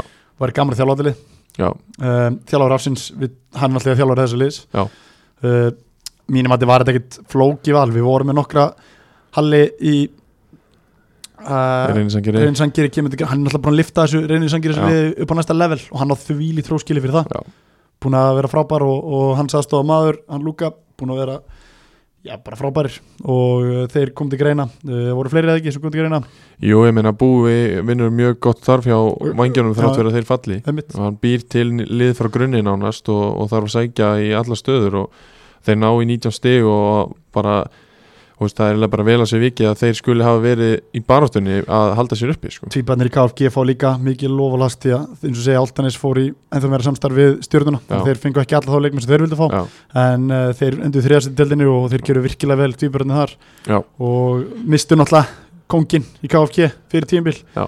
hann hérna uh, hann, vá, nú er að stóla úr með maður sem var að þjála með maður alltaf hann hérna hann, uh, vá, nú var hjálpmessverið hvað er hann Lárus? Lárus Já. Guðmundsson Lallegum? Lalli Gumm, hann alltaf fyrir það sem ekki veit ekki hvað Lalli Gumm er þá, þá myndi ég nú fara að skoða söguna Google it Google him, því að það er, það er einhver skemmtilegasti, já, bara s- það var svo gaman að hafa hann í leilinni Já. ég hérna, nokkur sögur honum sem varu séð og ekki, ekki verið lengi hérna verið sunna hann að fylgjast með KFG en, en ég fyrir að átta nokkuð kommenta á leilinni sem ég var um, alveg æðisleg En þeir mistu hann, leikmaður ásins, nei þjálfar ásins þjálfur ásins, förum í hann Það er Sigurvin Olsson Þjálfari Káfa Já. Að hann svona Hann er búinn að taka þetta Káfa flið alveg gjössanlega upp á næsta level Hann er búinn að gera þetta svo miklu meira professional heldur en þetta var Ha- Það er bara Hann er búinn að koma með sína hugmyndafræði sem er þessi possession bolti og, og fá leikmenn með sér í lið Já, það, það, það, það, það vegur svo mikið líka til dæmis eins og Einar Már, hann er búin að fá hann til þess að stíga upp, hann er búin að fá hann til þess að taka meiri ábyrð og, og sækir inn bara góða leikmenn sem fitta vel inn í þetta, Björn Axel, Ingo Færgrita, Sigfinn til þess að vera all in með sér Vili Kaldal kemur aftur Akkurat, fullt af góðu leikmenn sem hann, sem hann fær og ég sjáðu hópin líka, við vorum að tala um hópin hjá K.O.F. hann er með einhverja, hva, ég veit ekki hvað margar leikmenn sem hann er með sem að, já bara kemur sér öllum kem, kemst öllum lið Já.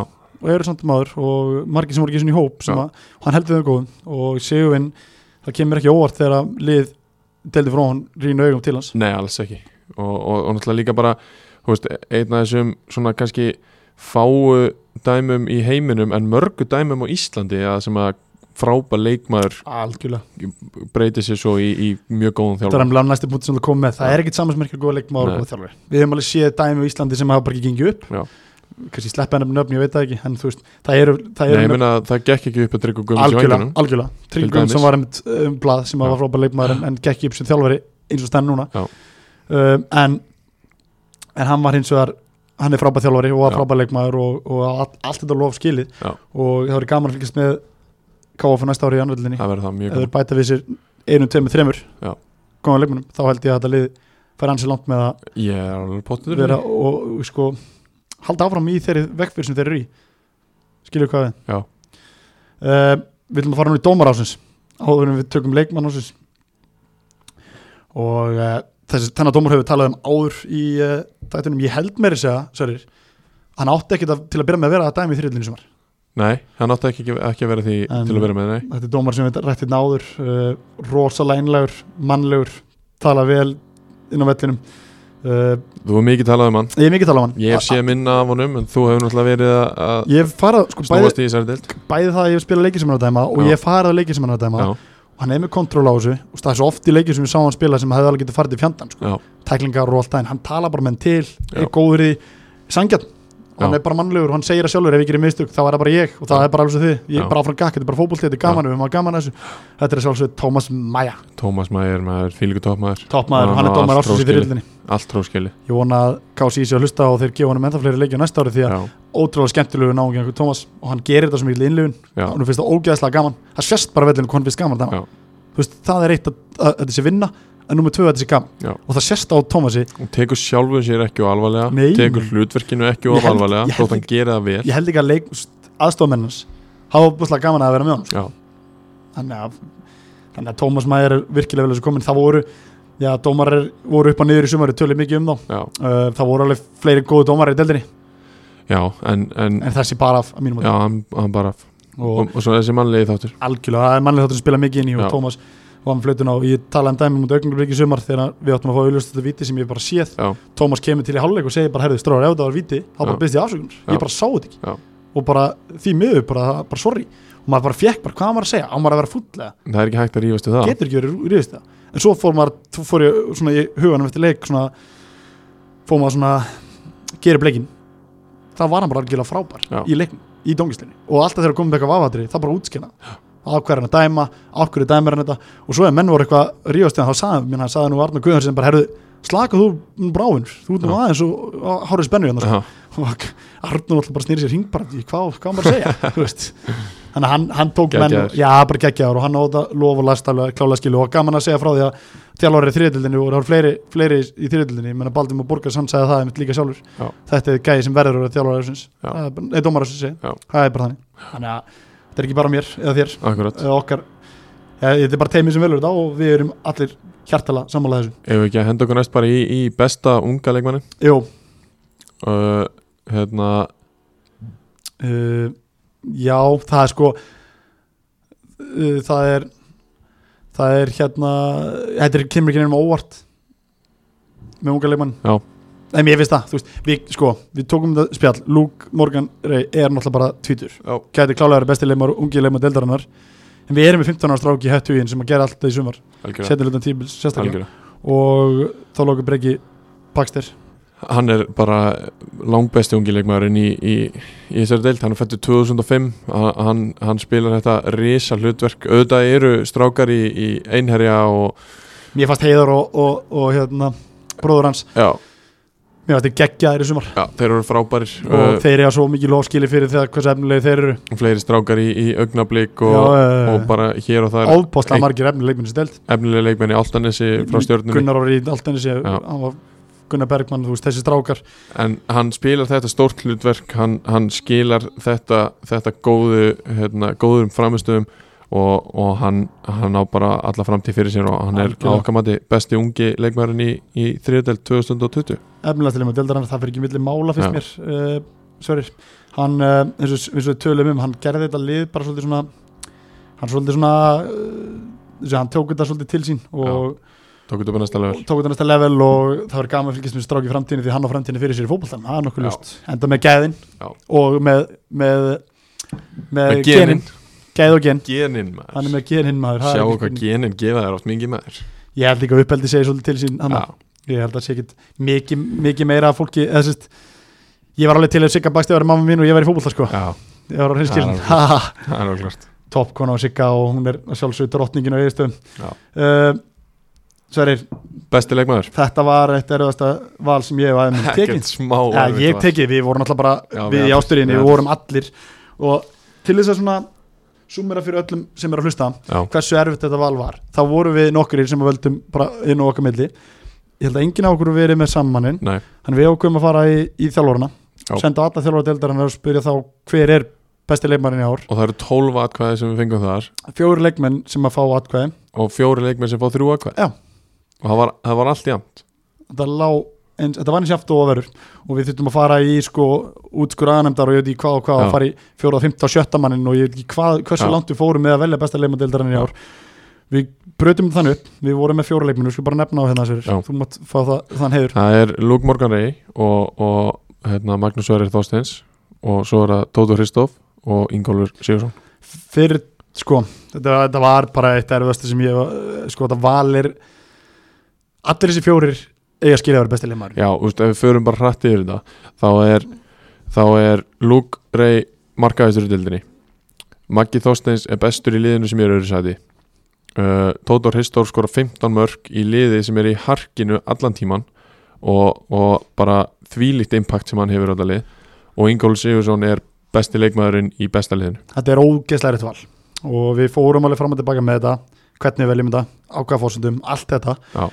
Eh, ég held að allir þessu hafi, við höfum kringt á alla einhverju tímúti nánast, Já, bóttið þú veist, það var einhvern veginn þetta gæti ekki í staða jöfnara Nei. að- með þessa fjóra leikmenn og uh, við breytum þetta upp Já. við letum valið vera milli sérst, uh, í rauninni lokavalið var að milli tvekja, Já. Góli Sigursson og Tóta Hristof Já.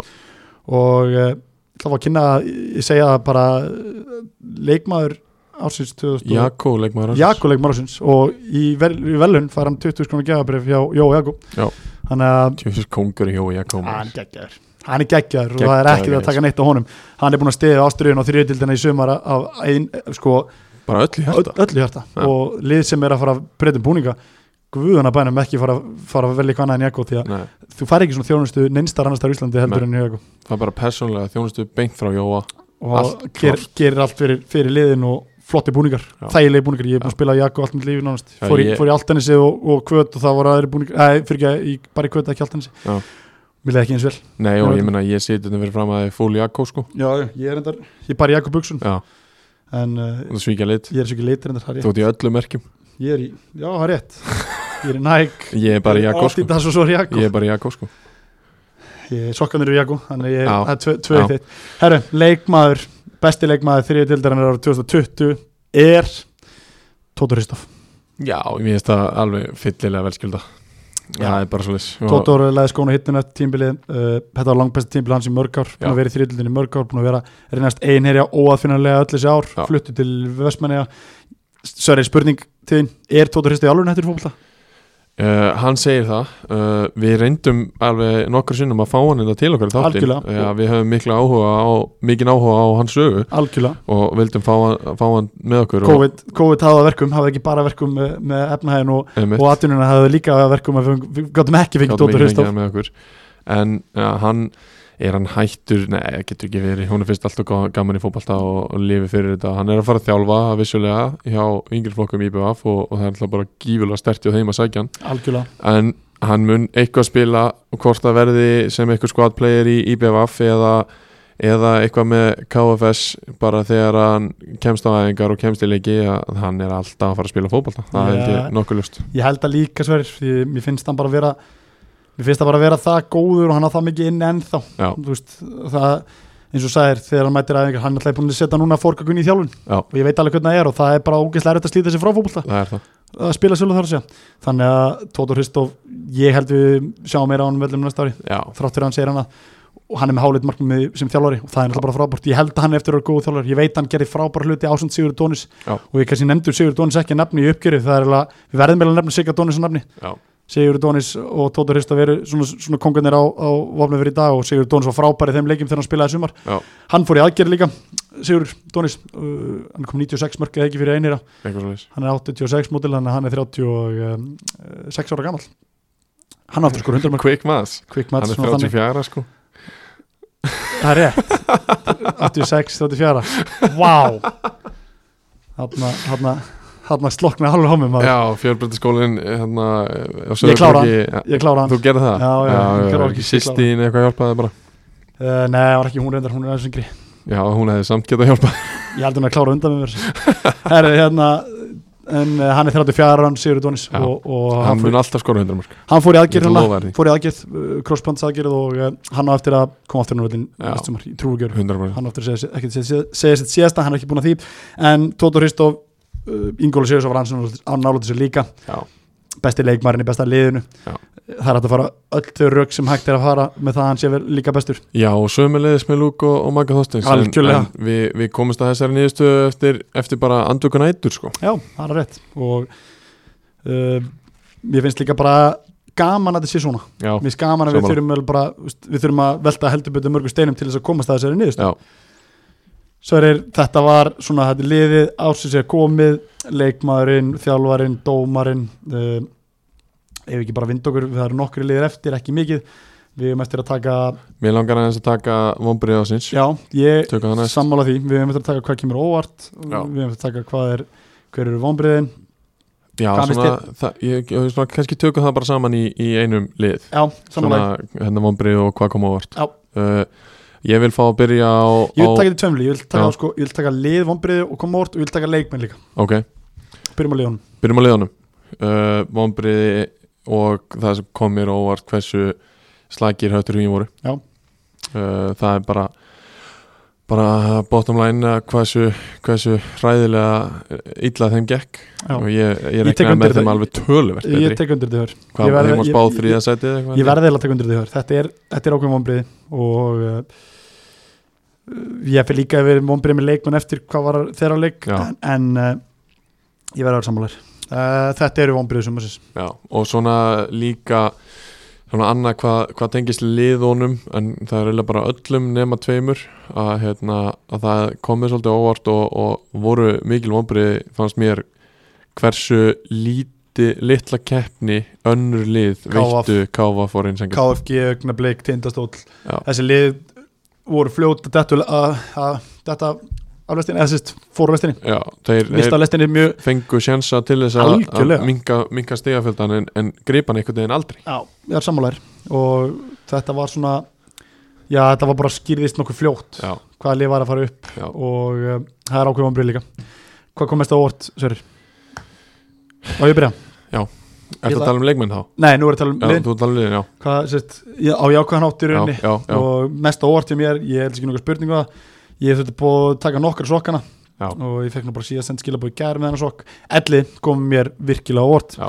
voru gjössalega, já, ef þeir eru byrjað með liði sem endaði sennilega þann þá held ég það að hefði lið, bara verið í barðu algjörlega ég held að þeir endið þrjásæti, Ef þeir hefði verið með hérna, Nathan Nathan og Chico og- Chico og Patrick, Patrik, alla, á, til að byrja með alveg bara þriðarsæti á þá, Já, því þeir voru klárt. Elmar þjálfari, við vorum að tala um að hvort þau eru hitundur honum Já. þú veist, hann á alltaf loð skilið fyrir það sem að gera í elli þessum Já, 100% 100% þannig að elli kom mér mjög á óvart og ég verði eiginlega bara að vera hinskil líka með það uh, þetta er leið sem kemur í fjörðlinni ægir kom í fjörðlinni, hvort liði fellur Já, og, og svona og bara liðin, þú veist, Já, ægir, ægir voru elli, miklu elli voru kannski svona til að byrja með voru þeir líklegir að falla en Já, já. svo bara tókuðu fram úr öllum og ægir, ægir byrju vel en, ægir byrjuðu vel og, og svona voru aðeins að detta nýr í pakkan og sko, en náðu bara að byrja kannski með ægir líka þú veist, þeir spila með reyni, voru miklu betri sér Já, þeir átti leiki sem þeir áttu bara að vinna sem þeir unni ekki Já. þetta ekki með þeim, en þeir voru bara sterkari eldur en ég átti vonu á í Já. rauninni já, þóttu að þú veist, við vissum það alveg að þeir voru með góða markmann þeir voru með góða hryggisólu og með Já. góð, góð þjálfun og allt þetta að bæði leginn sem kom upp þau halda sér í Já. delinni svo er uh, við viljum ekki að hafa það mikið lengra við viljum að fara í vonbrið leikmenn ég er með Já. nokkra leikmenn sem að sko, ég vona að taka eins og ekki persónulega leikmenn en þið sjálfur Nei, en það ég- er nokkra leikmenn sem ég er svona ég er með eitt sem ég vil byrja á. já, og, og það er svona eh, leikmaður sem að á ákveðnum tímapunkti var bara mikil svona vonastjarnar uh, í Garabænum já, og, og spilaði bara alveg ágætt hlutverk í, í Íslandsmeistara hérna, titlinum hjá, hjá stjörnunni 2014 og það er Þóraldur Kári Knútsson já hann kom mér verulega óvart og, og allir með miklu hombriðum í sumar ég var alveg með, sammálaður með hversu, já, bara Ég- svona, við- hversu við- lítið framlæðið hans var við vitum bara hversu góður hann er já, það er máli skilur, mér, hann á bara miklu meira inni heldur en hann síndi sem já, og það var þetta svona er va- gæði sem á veist- alltaf að vera að berast um að vera í liði ásins hvert Já. einast tímbil, Já, og það var svona verið að reyna að færa hann á milli staða og kom hann fyrir kom honum e, úst, í gang einhvern veginn en sem að gekk bara ekki og, og það voru bara aðrir sem að, sem að skinu uh, bjartar í, í KFG-liðinu og, og það, það, það er það sem hann á að vera að gera í þessu KFG-liði sko. algjörlega sammálar ég er með tvo leikmenn að blæða mér Já. sverir, fyrst að nefna minn meðspilara Já, sem ég veit sko ég veit bara, hann kannski okkur, það viti kannski færri af honum en þeir sem hafa fylgst með neðurlunum mörg á núna og Já. vita, Benjamin Jóns Vilbersson já, já getur, við þekkjum að vel sem getur, hefur spilað á getur, móta getur gert svo miklu betur Já. hann átti ekki gott tímbil, Nei. sem bara að vera að hreinskilin Sko, hann fyrir mér, svona síðustu ár hefur verið svona eins og Bjarki Baldins hefur verið í, í Völsungi já, hann hefur verið bara svona í hólunni fær boltan endalaust og bara nánast ekki hægt að ná honum af honum Algjörlega. býr endalaust til, já, bara mjög erfiður að eiga við en í ár einhvern veginn bara, það, sko gekk ekki hann og Luke náðu ekki þessari tingu sem ég var að vonast til Nei. eða þú veist, ekki Já. eins mikið á Conna og Luke skilju Já, og alveg sem er Conna og Benna þú veist, Já. þetta dú og Conni Benni er geggja þetta er, þeir þekki konan hann eins og sko, já, Jorko Kól, þú Já. veist þegar við erum að tala um einhverjum samlíkinga Já. hérna. Benni bara einhvern veginn meiðist uh, finnur ekki sitt hlutverk farið myndi staða og Já. þú veist, hann bara býr miklu meira í Benni mín Já. Benni mín er einn af mínum bestu vinum, ég veit ekki um það fúslega Já. og ég átti bara, ég vildi sjá meira á hann Já. og hann veit það sjálfur, já, já, hann er alveg sjálfur að því að já, hann þetta á, er best sjálfur veit það best sjálfur og, og eh, ákveð vonbriði bæði fyrir mig sem vinnans og Já. sem bara samspilar að fá ekki meira úr honum því að Já. hann getur gert svo miklu, miklu, miklu betur Já, og ég vona að noti, þessa, noti þetta sem kvartningu frekar en eitthvað annað einmitt. því að, því að hann, eh, sko mér finnst hann eiga að vera leikmann sem hefur verið berist til liði ásins Já. rétti svo margir aðrir, en hann var eh, mjög langt frá því í ár og eh, til að mynda þá var hann ekki eins og alltaf í, eh, veist, var að beknum ykkur leikin líka Þannig að, en svo átt hann leiki sem hann var frábær Já. þeir leiki voru bara alltaf fár allt og allt og fór Anna leikmann sem að ég ætla líka sem ég veit að býr miklu meiri í en síndi ekki í sumar það er ferran í höttugin mikil mómri Mikil vombrið og ég hef lengi í gang Ó, og hann kom í engu lengi og þungur komið í og einhver standi og náði einhvern veginn aldrei sér strikk Nei. og óbúðslega leðilegt var rétt svo í lókin kannski ein, tvei leikir þar sem hann var Já. í ykkur ágæti standi sko. algjörlega það var svona það sem ég fannst svona leiðilegasta við hans svona, eða svona ég veit hversu góður hann er Já. með leikni og með hérna með hann með afturöldingu líka og, ég veit hversu óbúðslega góður leikmann hann er hann markaðist í rannverðlinni fyrir nokkrum áru síðan Já. og hann náði sér aldrei strikk og ég ætla ekki að afskrifa hann ég vona hann að þetta hafi bara verið von síðan Já, uh, svona downer. downer disappointment hjá honum en hann var langt frá sínu besta í sumar Já, Og- það er klárt. og það býr miklu meira í þessu strók Já. uh, leikmenn sem kom óvart sem að spiluði fram á vendingum uh, Sverrir, ert þú með einhverja? Já, það er allavega til dæmis Breki Baxter Já, hann kom, er, kom á óvart, kom svona ú- ú- úr engu nánast uh, heiðar snæri í, já í ég einherja, var frábær alltaf allan nefn hann einmitt, það er gott að gríp, gríp hann að hana Já, uh, hérna hv- hvað heitir hann í Altanesi þó, þó sem að fór svo í, í Víkingó Nei, augnablík, Já, í augnablik ekki Altanesi, sorry Þorlaugur Þorleifur Úlfarsson, Já, að hann kom mér á óvart akkurat uh, Það komið sömulegis á óvart að, að Jón Veigar hafi verið í svona stóru og góðu hluturki Já. á augnablik Á, flottur, Já, síðlega vel Um, Já, svona er kannski helsta Ég eh, er með nokkra leikmenn að blæði þar Fyrsti leikmæður um ég er svona sem ég langar að vekja að maður geta það stið samtlæð líka Já, kemur já, ekki þú veist, lótt. ég, ég nú er ég að taka leikmenn sem er ekki í liðinu Já. Eða, sérst, ég tók svona aðeins það var einn leikmaður í eh, í hérna Altanesi sem ég svona ég bara svona, ég veit alveg hann er góður og hann er í öðru flokk og, og allt það en hann einhvern veginn svona spilaði bara stórt hlutverk og hann, Já. þetta er Gunnar Orri Aðastinsson Já. og varnamæður í Altanesi sem að mér fannst bara að vera mjög góður í sumar Já. og er að besti leikmaður Altanesir Já. ég veit alveg hann er góður, Einmitt. hann einhvern veginn tók bara svolítið svona uh, greip tækifæri Já, og svo annar punktu kannski með alltaf þess sem smá vombrið er að hversu lítið við sáum að Arnar er má já, 100% ég hef viljað sjá miklu meira á honum. 100% samræði ef hann hefði haldist- haldist heitla þá held ég Altanis hefði ekki verið í þeirri stöðu í dag Já. að falla Einmitt. þegar hann kom inn á út í stólunum þá var hann geggjar Já. mér langar líka að nefna strák sem kom til vangjan í glugganum Gunnar Jökull Jones hann kom mér á orð hann var góður Já. hann einhvern veginn svona uh, kemur úr berserkjum og átti leikið þar sem hann var bara virkilega öflur og bara svona já svona hvað hann var að segja hann hann, uh, hann einhvern veginn býr undir þeim gæðum að, að hann getur tekið menn á, hann fljóti fram á við og spilaði vel og hann, hann uh, getur spilað þessi delta næsta ári, Já.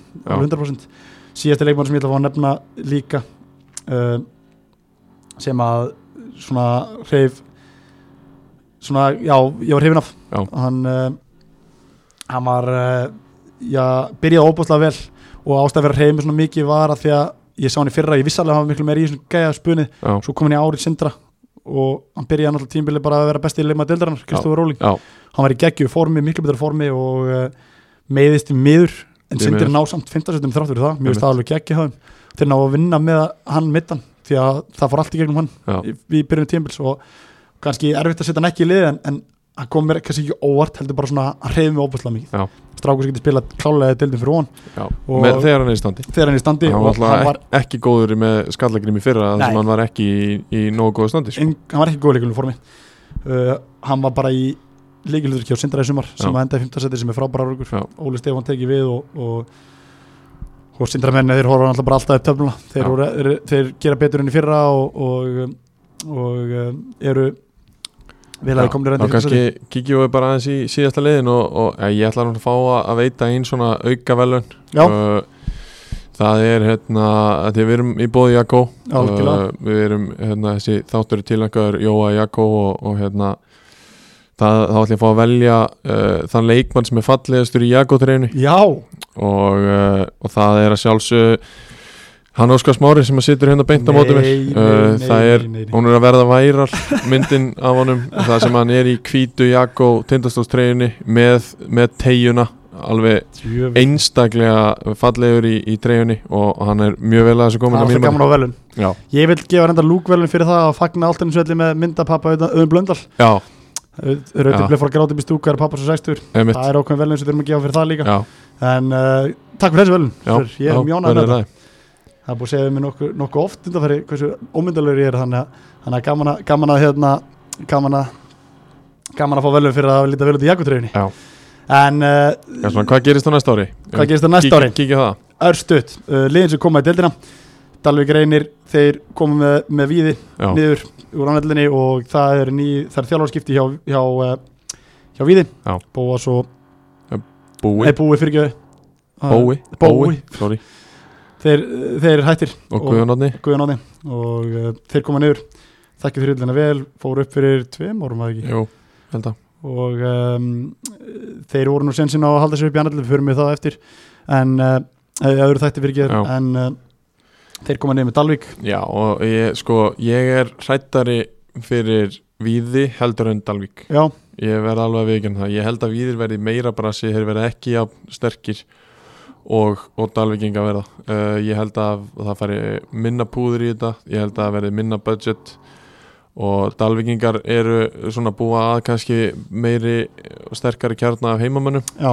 og ef að Dalvík næra búa til aðeins jákvæðari stemmingu og þá verða þeir í, í góðum málum og í, í baráttunni en ég er ansið hrættur um, um viðismennina sko, Ég þeir held, hrifum sko- mig alls ekki já, ég held samt sko keflæk var upp í Pepsi, ég Já, held það sé jákvæmt fyrir við það geti verið það og Það gæti verið stekka það. hópin þar, það getur komið leikmenn þaðan ég held Já. það sé jákvæmt uh, hins vegar aftur á móti er bara miklu meira spennandi fyrir leikmenn að fara í þróttu vofum Já. í dag heldur en við, skilur Já og, og, Fyrir- og eins, eins Njarvík og, og Reyns Angeri Já. sem er bæðir í annar del akkurat, þannig að það er Já. ágjum með móti, þannig að Já. það er alveg rétt hjá þér. uh, spurning hvernig þetta kemur það kemur alltaf í ljós bara í vettur Já. og, og svo náttúrulega hvernig COVID, hvernig COVID fer, í, fer í klúbana Já. uh, liðið sem kom upp úr þriðildinni neða fjóruldinni, það eru IH og KFS Það, þau verða náttúrulega bara spurningamerki eins og þau eru yfirleitt ég ætla, sko KFS voru síðast í þriðildinni 2016 mér mig, eitthvað svo leis uh, voru fallbissu búðu þá Já, gekk ekki mikið upp hjá þeim þar og fór beint niður og hafa verið í fjóruldinni síðan ég held að þeir séu samt reynslur ríkari frá því þá já, eru með betri ungarleiminn en þá já, og ef þeir ná að halda í svona, þú veist, ef þeir fá tóta til að spila Já. og ef þeir fá kannski 1-2 úr í bjöf ef við- ef viðið myndi taka það til dæmis, Já. ef viðið myndi bara, "Herri, ég ætla bara að leika mér í þriðlunni einmitt. þá gætur það að leysa, maður gætur gert góðlut í þriðlunni Já. uh, Íhá hins vegar, ég er mjög spennt yfir Íhá já en þeir, þeir verða þá að halda í þessi stróka sko. Ég- Þeir verða þá að bæta við einhverjum mér nokkrum í viðbót skilst, sko. mér skilst þeir verði flestir áfram Já, en það er svo fljótt að breytast þegar að Algjörlega. kemur apríl, mæ og, og En einhver sko- lið er að fara að byggja ef þú um það sko. ætlar að vera með, þú ert með sko, ef við fyrir maður Íhá þú ert með Ingar Ásbjörn sem er proven play, leikmaður í annaðlun Klart mál, þú ert með uh, hann hérna Garðar Leifs, prúinleikmaður í annaðlunni Já. þú ert með uh, við höfum haldið á hann Ragnar Pétursson, prúinleikmaður í Pepsi og fyrstöldinni, Já. þrátt fyrir það að fengi umdelda, umdelt hérna um árið að vera slakastileikmaður í Pepsi-deldinni, já, já, einhver titill og, og Hann er Pé- frá- Pé- Pétur Hafn upp á topp Pétur er með topp, frábær hann hjá er mér sem fullt af óbóðslega flottum og góðum fótboltamennum Það er það sko, En ég, það sem ég er hættastu við er hvernig hvort þeir ná að halda honum Já, Pétur, Nei, Halda þeim öllum já, haldum öllum, já, Já. akkurat þú veist, það- þetta er- þetta er- þetta eru góð spurningar, Ég meina, þú góða veist, pælingar Af hverju ætti Gretar Ingi, nei Garðar Ingi sorry, ekki að, að fara í KVF núna ef að það er eitthvað ef, að- ef þeir, Er hann- þeir sækja hann Getur hann mætt á allar hæfingar og verið í þeim Já, Það er hlutverki? spurning Þú veist, maður veit það ekki, ég veit Ég að meina- ég hjá ef þau minn allims heldur en, heldur en KF eðlilega já. En, en um, veist, já ég, Þetta er bara, þetta er bara spurning Brynjar Ég- Ásgeir ég, uh, ég er ekki að þjálfari. segja, ég er ekki að segja að séu eitthvað át og fallnir en Nei, þeir, alls þeir, ekki. eru, þeir eru spurningamarki En það eru fleiri leikmennan í þessu liði sem að við getum talið upp þú Já, veist, það eru mjög góða Magnús, leikmenn í Björ, þessu lið. Magnús Björn Alves Birgir, þú veist, þeir Já. strákar sem eru prófin í neðurlum í Íslandi Já. Þú veist, Ég er spenntu fyrir að fá íhá upp í trillina Já, það verður mjög gaman að sjá það. og hvort það verður ekki meira á- áformaldi gott samstarf við uh, við uh, FO Já. og uh, það kemur alltaf bara allt saman í ljós en ég er, ég er spenntu fyrir, fyrir IH í þrjöldinu næsta ári Já. og ég er bara, s- í rauninni bara mjög spenntu fyrir dildinni eins og hún leggur sig á næsta ári Já. spurning hvað liðin gera, hvort það COVID hafi mikil áhrif Já. hvort þið sjáum ekki áfram mikið á Íslandingum mikið á ungu stráku spila Já, ég held að til dæmis af þessum liðum sem að verða áfram í þriðu delta að ef að ef að augnablik næra halda í þetta konsept þeir Já. ná að halda í, í, í stráka og, og bæta við kannski einu tveimur úr, úr breyðablik svona sterkum strákum viðbót að þá þeir, séu þeir verði þeir einslur ríkari og þeir munu alltaf verið í, í þessari baráttu alveg til annar punktum í hjá, FO er Íslandsmeistari öruflokki kalla, Já. kannski eru leik með þar ég veit reyndar að þróttu vóum hafa verið, verið með strákur FO Já, þeir eru bara óbúslega góður í það Já. að ná í þessi stráka Leo og Ísak og fleira Uh, þannig að það kannski, kannski spila það eitthvað en ég veit það ekki, en það er alveg rétt hjár Já. þessi, þessi, li- þessi venslalið, Já. hvernig þau komið inn í þetta alveg eins með liðin undan landi hvernig, hvernig leggst COVID í á, einmitt, tindastól uh, nú er liðið færið í Pepsi kvenna verður ekki með örgulagt meiri pening í kvennaliði en Pocket, kallaliði, pocket. það er fullt af svona hlutum alveg eins, og við getum talað um, við getum talað um uh, liðin svo uh, einherja, hvað verður Tóttur farinn og kannski fara Já. ungustrákunni líka Sigurður Dónus að koma með, þú veist, ef verður meittur eitthvað Já. hvað gerist þar, þú veist, það er fullt af ósvörum spurningum sem verður mjög spennandi að sjá hvað, hvað verður Sveir, þetta var yfir ferðin um þriðutöldina, við erum Já. að vera hérna í 83 mínútur sem er meir, miklu meira en nóg en við nógum að tala já, já, það er það alltaf og uh, mér langar bara að þakka þér kella fyrir samstarfið með þriðlunni sumar Já. Jakko, Æs og Kompaks Kompaks. Kompaks náttúrulega búin að hleypa öllum þessum leikmennum og öllin aftur og, og, þér sjálfum meðal annars já, klálega, ég get ekki ég er bara að þakka Kompaks hver meins þetta fyrir einmitt, það sem þeir hafa gert fyrir mig og ég held ég van, van, vonandi áfram á næsta ári, eh, kemur í ljós en uh, svo er bara takk fyrir, fyrir hérna eh, takk fyrir sumarið, þetta Já, var Takk þátti að við ekki ná sömuleiðis. að klára þetta leikina, þá fannst mér þetta alveg óbúslega skemmtilegt sumar í þriðildinni, Já, mikið af uh, atökum, mikið af skemmtilegum mikið af leðluleikum líka Já. en uh, ég er bara sömulegðist takk fyrir sumari og bara mjög þakkláttur fyrir þetta tækifæri til að fá að fjalla um þriðutöldinu algjörlega og fyrir þá sem að hafa verið að senda okkur skilabóð, ég fikk ju ofur skilabóð hversu, Já. hversu gaman er að hlusta á okkur, bara þakka fyrir, fyrir hlustið Já. og uh, við verðum hérna vonandi að ára liðinu Já, og eitthvað ég veitur vonandi líka Já, bara aðeins að 100%. fara yfir stöðuna og, og aðeins meiri ástriðuna og, og, og fleira sko, vonandi algjörlega, segjum þetta gott sér yes. við bara sjáumst í næsta stríð, það er, það er uh, anallin, við viljum Já. að fara í, í heilan þáttum aðallina, fá góða gesti og, Já. og ræða aðallina vel þannig Yes. að bara, þetta er næst síðasti þátturinn síðasti þátturinn verðum aðallina um þannig að, já, Já, við bara sjáum- takk í dag takk takk